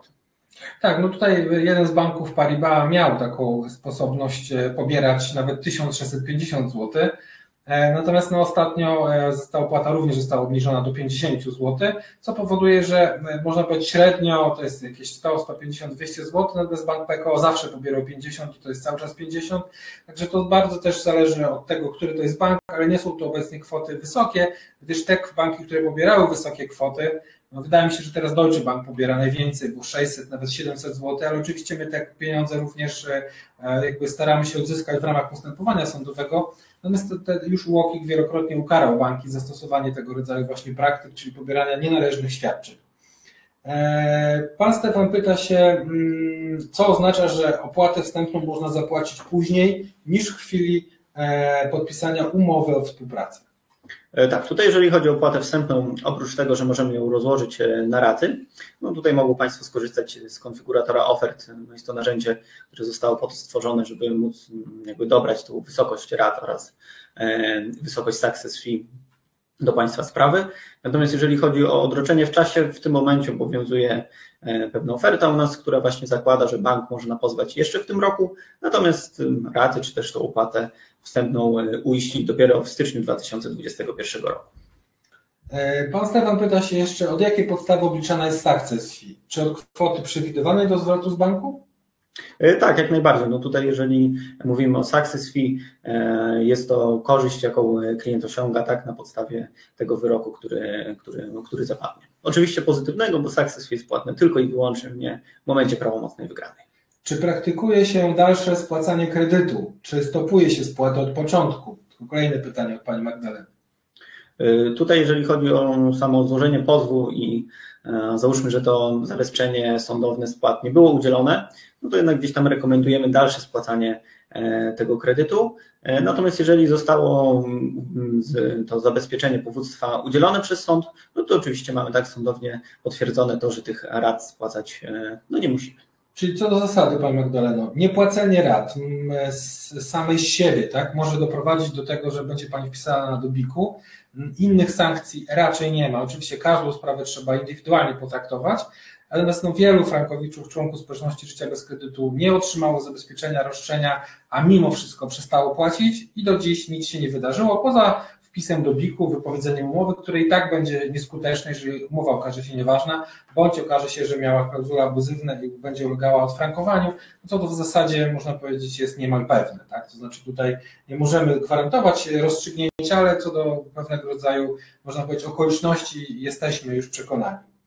Pan Paweł pyta się, co dzieje się w przypadku wygrania, unieważnienia umowy, jeżeli zostaje jeszcze kwota do oddania dla banku. Panie Pawle, nie zostaje żadna kwota do oddania e, dla banku, dlatego że bank ma przedawnione roszczenie. Wobec tego e, z upływem trzech lat od dnia wypłaty bank już stracił prawo dochodzenia tych roszczeń. Innymi słowy, te roszczenie prze, przekształca się w tak zwany dług naturalny, który istnieje, ale nie trzeba go spłacać. E, Pan Janek e, e, pyta się, jakie są koszty, jak, jakie koszty poniesie, gdy przegramy w dwóch instancjach. No tutaj wydaje mi się, że panu Jankowi chodziło o koszty zastępstwa procesowego. E, Tutaj, jeżeli chodzi o te koszty zastępstwa procesowego, jest to wyliczane na podstawie wartości przedmiotowej sporu. I tutaj, jeżeli wartość przedmiotowa sporu jest ograniczona do e, 200 tysięcy złotych, no to wtedy te koszty wynoszą w pierwszej i drugiej instancji odpowiednio e, 5400 i 2700. Natomiast jeżeli jest to wartość przedmiotowa sporu powyżej 200 tysięcy, to mamy do czynienia z kwotą 10 800 i 5 400. Tak, no dodatkowo do tych kwot, panie e, Janku, również trzeba zaliczyć około 4 tysięcy tych kosztów, które mogą się pojawić. No i ta wysokość opłaty wstępnej, którą pan wybierze ostatecznie, bo są różne opłaty wstępne. Na podstawie konfiguratora może pan je zweryfikować. E, Pan Bartosz pyta się, jakie są różnice pomiędzy ofertą waszą a WOTU. No, Może powiem tak, e, generalnie różnica prawdopodobnie jaka jest, to nie będę się wypowiadał, natomiast jest mm, powodu bardzo często efektem tej różnicy jest to, że klienci z WOTU przychodzą do nas, chcą, żebyśmy jednak my prowadzili te postępowanie, zabierając już wcześniej podpisaną umowę z WOTU. Oczywiście to jest jakby dowolność, e, tutaj też trudno się wypowiadać, nawet nie wiem, czy to jest konkurencja, bo WOTU jest kancelarią odszkodowawczą, masową kancelarią, która na pewno nie zajmuje się tak jak my, natomiast żeby tutaj nie być posądzonym o jakieś powiedzmy krypto, negatywną reklamę, po prostu no, wotum to, to, to jest zupełnie inna bajka niż my i nie ma tutaj e, za bardzo mm, dalej rozstrzygać e, tych różnic. Mm, Pani zapyta się, e, w przypadku wygranej zwrot wpłaconych rat i ubezpieczeń, czy chodzi o zwrot wpłaconych ubezpieczeńskiego wkładu na życie i nieruchomości, tych wszystkich ubezpieczeń, które narzucił bank? Tak, jak najbardziej tutaj, jeżeli mówimy o ubezpieczeniu na życie, ubezpieczeniu niskiego wkładu własnego, e, ubezpieczeniu od utraty pracy, jakby tych ubezpieczeń było dość sporo, natomiast ubezpieczenie od mm, ognia tak nie wchodzi tutaj w ten, e, w ten, w ten zwrot. Po- po- Poza tym trzeba też zweryfikować jedną kwestię. No, jakby postępowanie sądowe można oczywiście e, uzbrajać wiele roszczeń, między innymi o te roszczenia dotyczące ubezpieczeń. Natomiast trzeba pamiętać, że każde rozpatrzenie roszczenia zabiera czas. Nie chodzi tutaj o nas, natomiast bardziej chodzi o sąd.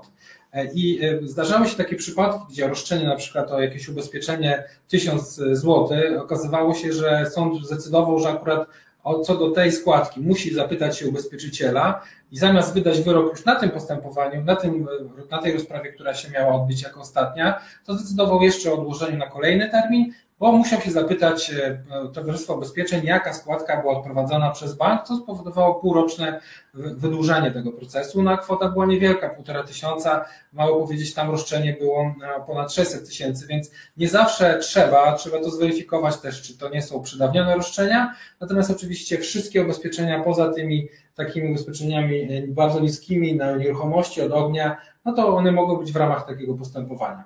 Proszę bardzo, Panie Grzegorzu. Czy Pani Elżbieta pyta, czy, zajmuje się, czy zajmujemy się umowami poniżej 50 tysięcy franków? E, Tutaj, jeżeli chodzi o umowę poniżej 50 tysięcy franków, Oczywiście zależnie od wtedy, kiedy była udzielona, em, ale tak jak najbardziej takie postępowanie również prowadzi. Trzeba pamiętać, że dla tych niższych kredytów e, mamy wtedy możliwość prowadzenia, kiedy powstają grupy. Tak? O tych grupach mogą się Państwo dowiedzieć na Facebooku. E, Najbliższa grupa zapewne będzie miała miejsce na przełomie roku i wtedy proszę oczywiście się odezwać i będziemy sta- sta- starali się pomóc. Prowadzimy sprawy, na najmniejszą sprawę, którą prowadzimy to 180 tysięcy. Pozdrawiam Pani Karolino, e, bo to akurat e, bardzo e, przemiła klientka Pani Karolina.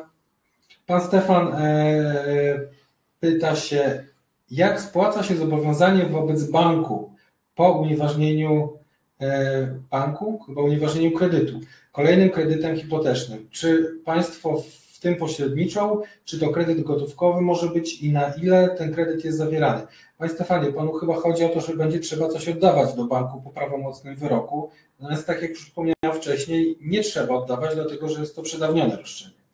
Pani Krysia pyta się, e, ma Pani kredyt w Lukas Banku, jak, jak te umowy z, z naszego doświadczenia i czy można pozwać bank? Tak, tak, pozywamy ten bank. E, Coś powiesz na ten temat, bo robiłeś też na pewno analizy tych, tych umów. Tak, jak najbardziej. Tutaj, jeżeli chodzi o e, Lukas Bank, e, miałem okazję przygotować kilkanaście takich analiz e, i faktycznie zarówno w umowie, jak i w regulaminie do tego banku są klauzule abuzywne, są klauzule przeliczeniowe, waloryzacyjne, także jak najbardziej ten bank e, można, można pobywać. E, Pani Bożena pyta się bardzo ciekawą rzecz. Jakie pytania najczęściej zadawane są na przesłuchaniach powoda? Czy to prawda, że zwykle pełnomocnik banku stara się e, wyprowadzić go z równowagi? E, Pani Bożeno, i tak i nie. To znaczy, generalnie to wygląda w ten sposób, że tak jak do każdej czynności życiowej, do każdej okoliczności można podejść przygotowanym albo nie.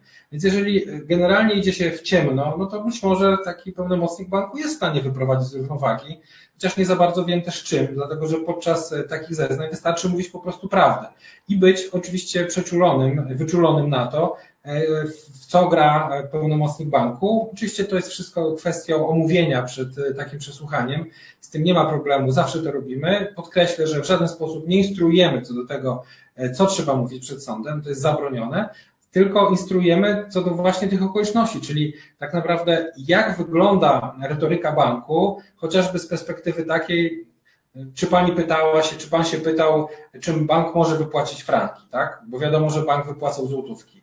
Czy, dla, czy pani się pytała, czy można od razu spłacać franki już za pierwszy rat? No oczywiście, że nikt się nie pytał, dlatego że wprost z umowy wynikało, że mają być spłacane złotówki. Dopiero później, od 2011, czasami 2009 można było spłacać, więc to są takie pytania, może i wyprowadzające z równowagi, ale po prostu no, bezsensowne. One, jakkolwiek się na nie odpowie, to i tak tak nie będą miały żadnego znaczenia, ale to prawda jest, że czasami pełnomocnicy banków, no powiedzmy tak, nie zachowują i moim zdaniem e, to w jakiś sposób nie, odpo, nie odpowiada im ich zawodowi, aby zadawać tak, no powiedzmy, no, głupie pytania, mówiąc wprost i, i mówię to dlatego, że już setki tych spraw e, widziałem, byłem na wielu rozprawach i naprawdę no czasami aż za głowę można się złapać, jak e, no, infantylne są pytania. Generalnie nie wiem, czy wynikają one z braku wiedzy, czy po prostu właśnie z chęci zdenerwowania drugiej strony, ale nie wpływa to ostatecznie na wyrok. Proszę się nie przejmować, no tutaj te kilkadziesiąt minut y, poświęcenia na cały proces nie jest też jakoś strasznie mm, pr- pracochłonne do przygotowania się.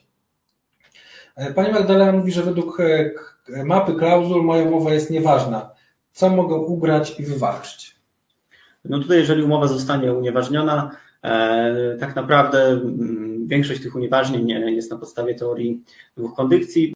Co może Pani wygrać? No może Pani wygrać przede wszystkim to, e, że wszystkie raty wpłacone na przestrzeni ostatnich 10 lat zostaną Pani zwrócone i saldo kredytu z obecnie wynoszącego najpewniej tyle, ile udzielona kwota kredytu, e, będzie wynosiło 0 zł. Także jakby te korzyści są e, bardzo duże. E, Zwroty, które otrzymują klienci po prawomocnej wygranie również są duże. No i co jest najważniejsze, dalej nie ma Pani kredytu, saldo będzie wynosiło 0 zł, już kurs franka nigdy więcej nie będzie Panią interesował. Zostało nam już 4 minuty do końca dzisiejszego webinaru. Widzę, że pytań jest bardzo dużo, więc będziemy się starali odpowiadać e, na te pytania e, już e, w sposób zdawkowy, krótki, tak abyście Państwo mieli informacje odnośnie e, tych rzeczy, które najbardziej Was interesują. Pan Stefan pyta, co jeśli bank blokował kwotę kilkunastu tysięcy złotych na koncie klienta tytułem nieregulowania statusu powołania do wojska? Dosyć dziwna sytuacja, według mnie nie, niezgodna z przepisami prawa, ale proszę konkretnie opisać tą sytuację mailem, na, najlepiej na info i wówczas e, odpowiem na to pytanie. Pan Michał pyta się, czy pracownik banku może zostać uznany za profesjonalistę. Panie Michale, co do zasady nie może być uznany za profesjonalistę. Prowadzimy sprawę wielu pracowników banku obecnych i byłych, przy czym oczywiście każdą sytuację trzeba indywidualnie zbadać, zależy czym się Pan zajmował, będąc e, pracownikiem banku.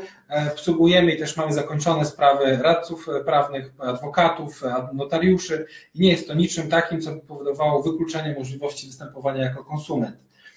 Hmm, Panie Elżbieta pyta, czy w przypadku unieważnienia kredytu jest możliwość uzyskania zwrotu rat za okres dłuższy niż 10 lat od daty zawarcia umowy. No ta data liczy się od 10 lat wstecz, nie od daty zawarcia umowy, a od dnia złożenia pozwu. Pewnie chodziło w tym, w tym pytaniu, czy można więcej odzyskać niż te 10 lat. Co do zasady obecnie takiego orzecznictwa nie ma, chociaż są już głosy doktryny, które wskazują, że te przedawnienie liczy się dopiero od dnia wydania wyroku dla konsumenta w ramach ochrony jego praw. Natomiast na chwilę obecną, w związku z tym, że nie jest to przeważające orzecznictwo, jeszcze co do tego nie wypowiadamy się ostatecznie. Moim zdaniem wystarczy zwrot tych 10 lat wstecz. Pan Sławomir mówi, że jest w pozwie grupowym, ma klauzule abuzywne, czy podpisując z nami umowę na pozew indywidualny będzie musiał czekać, aż zakończy się proces grupowy, czy będzie te powództwo zawieszone. No to również sytuacja jest różna, w zależności od tego, czy w tym pozwie grupowym grupa jest już zamknięta, czy też nie. Jaki to jest pozew? Mieliśmy taką sytuację ostatnio, klient wystąpił z pozwu grupowego i podpisał umowę z nami.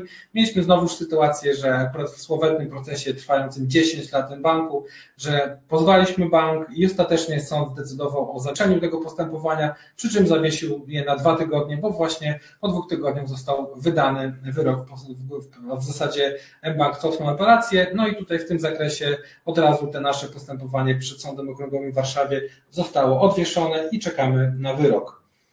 Czy jeżeli, pan Stefan pyta, czy jeżeli kredyt był podpisany u pośrednika finansowego, to pośrednik też jest stroną w sprawie i czy jest pozwany, czy jest też powoływany na świadka. No tutaj powoływany na świadka może być, nie jest pozwany, jest działał po prostu jako pełnomocnik banku. Jak długo, ile prowadzimy sprawy Frankowiczów? No, prowadzimy te sprawy już od ponad pięciu lat. Pan Sławomir to powtórzył pytanie, czy było możliwe zabezpieczenie roszczenia. Pani Bożeno, no generalnie zależy od tak zwanego interesu prawnego. Zabezpieczenie roszczenia zależy od interesu prawnego, on jest różnie rozumiany przez różnych sędziów, ale to jest szersza, szersza dyskusja. Można powiedzieć tak, no proszę oprzeć się na tym, że prawdopodobieństwo uzyskania jest niewielkie. W każdym konkretnym innym przypadku, kiedy na przykład jest płacony kapitał, to też trochę prawdopodobnie zależy od tego, jak sędzia w ogóle opatruje się na dany etap postępowania, czyli czy to prawdopodobieństwo, znaczy czy te roszczenie jest uprawdopodobnione, no to bardzo mocno od tego właśnie zależy. Trudno jednoznacznie odpowiedzieć. No to, nie, to, jest, to też nie jest taka, taka kwestia, którą się zastanawiamy jakoś strasznie, dlatego że po prostu trzeba się z tym pogodzić. To jest tylko wpadkowe postępowanie, a raczej nawet wniosek, więc nie, nie ma wpływu to na ostateczne rozstrzygnięcie. Pani Lucyna pyta, jak długo czeka się na złożenie w sprawie wniosku o zabezpieczenie roszczenia? Od kilku dni do kilku miesięcy, niestety. Tu też nie ma ostatecznie czasu. Pani Karolino, tak, przedawnienie również dotyczy kredytów denominowanych. No i to chyba wszystko. Nie widzę tutaj jakichś takich pytań, które by się jedno, nie, nie powtarzały. Wobec tego dziękujemy serdecznie za dzisiejszy webinar. Zdaję sobie sprawę, że na wiele pytań nie odpowiedzieliśmy. Tak, Panie Michale, po unieważnieniu umowy kredyt jest wymazywany z BIK-u, więc dziękujemy serdecznie. Dziękuję również w imieniu Kamila Sienkiewicza i Pawła Wichana, którzy byli dzisiaj z nami. Dziękuję Wojtku również za obecność dzisiaj. Na wszystkie pytania, które nie byliśmy w stanie odpowiedzieć, odpowiemy mailowo, na Facebooku, czy też poprzez czat na naszej stronie Życie bez kredytu. Zachęcam do oglądania naszych materiałów wideo E, Niedługo będzie nowa seria Ekspresów Frankowiczów, który będę miał przyjemność prowadzić razem ze Zbigniewem Urbańskim, więc zapraszam bardzo mocno do e, subskrybowania naszego kanału na YouTubie Życie bez kredytu. E, Tam już jest spora grupa Frankowiczów i widzę, że naprawdę te firmy cieszą się powodzeniem. Tym bardzo, tym większą przyjemnością będziemy nagrywali kolejne materiały, abyście Państwo byli na bieżąco z wszystkimi sprawami z życia Frankowiczów. Dziękuję serdecznie, zapraszam za miesiąc na kolejny webinar. Pozdrawiam i życzę miłego weekendu. Do widzenia. Do widzenia.